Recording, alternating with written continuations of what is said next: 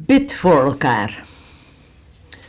Als Paulus schrijft over de wapenrusting Gods die we nodig hebben om krachtig in den Heer en in de sterkte zijner macht te zijn, zegt hij in Efeze 6, vers 18.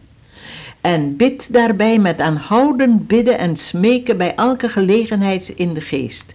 Daartoe wakende met alle volharding en smeking voor alle heiligen ook voor mij, dat bij het openen van mijn mond het woord geschonken worden, om vrijmoedig het geheimenis van het evangelie bekend te maken, waarvoor ik een gezant ben in ketenen.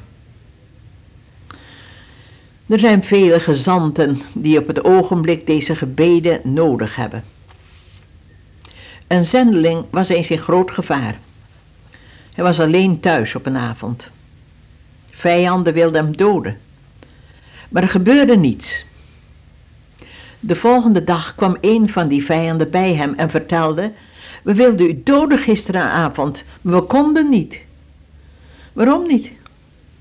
Er waren zoveel mannen om uw huis heen. Wij waren met ons vieren en om uw huis waren wel zeventien mannen. De zendeling schreef dit naar zijn vrienden in het vaderland. En die rekende uit dat zij diezelfde avond een bidstond hadden gehad. Zeventien christenen waren gekomen en hadden gebeden. Zeventien christenen baden in het vaderland. Zeventien engelen stonden voor het huis van de zendeling. Satan lacht als we ons inspannen. Hij spot met onze wijsheid. Hij beeft als we bidden. Kijk, als je voorbeden doet, dan is het eigenlijk net alsof je naast de Heer gaat staan. Samen bespreek je de nood van de medemensen. Sommigen zeggen dat je medemenselijkheid moet hebben. Maar daar moet je gelovig voor oppassen. Ik geloof niet dat het goed is te proberen in de huid te kruipen van een mens die in nood of in zonde dreigt onder te gaan. Dat kan je kapot maken. En het kan je besmetten. En het hoeft ook niet en het moet niet. Jezus heeft al onze smarten en zonden gedragen aan het kruis en alles volbracht. Kan iemand in de hele wereld zo de smarten begrijpen als hij, die alles aan het kruis gedragen heeft? Kan iemand zo de nood en het gevaar van de zonde peilen beter dan hij die voor die zonde betaald heeft met zijn bloed? Die dat deed met zo'n liefde, een oceaan van goddelijke liefde. Daarom, met hem samen kunnen we de smarten begrijpen en de zonde in hun ware gedaante zien. De straf die ons de vrede aanbrengt was op hem. Door zijn striemen is ons genezing geworden. Dan worden voorbeden niet het oplappen van iemands ziel, maar de ziel breekt door tot het contact met God. De ziel wordt vernieuwd. We kunnen dan pas echte voorbeden doen als we bidden vanuit die werkelijkheid van Gods verlossing in Jezus Christus.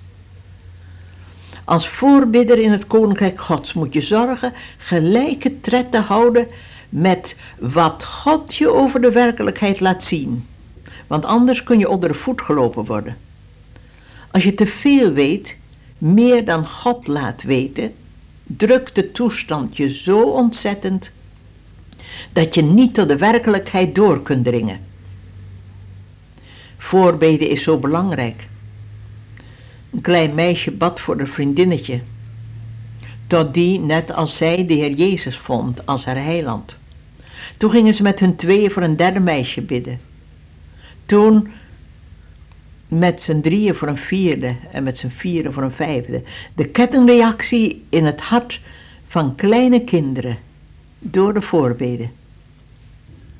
Wilt u aan de Heer vragen of Hij u wil gebruiken voor die kettingreactie? Dat die in uw hart begint en dan doorgaat. Bid voor één, dan met z'n tweeën voor een derde, dan met z'n drieën voor een vierde. Paulus zegt in 1 Timotheus 2 vers 1, ik vermaan u allereerst smekingen, gebeden, voorbeden en dankzeggingen te doen voor alle mensen, voor koningen en alle hooggeplaatsten, opdat wij een stil en rustig leven mogen leiden in alle godsvrucht en waardigheid. Ik heb gemerkt dat niet jezelf zo vrij maakt als dat je voorbeden doet voor anderen. Wat een opgave, maar wat een heerlijk werk. Heer Jezus, wilt u ons goede voorbidders maken? Samen met u durven we het aan. En we loven en danken u dat uw verlossing aan het kruis grotere realiteit is dan alle smarten en zonden van iedereen om ons heen. Halleluja. Amen.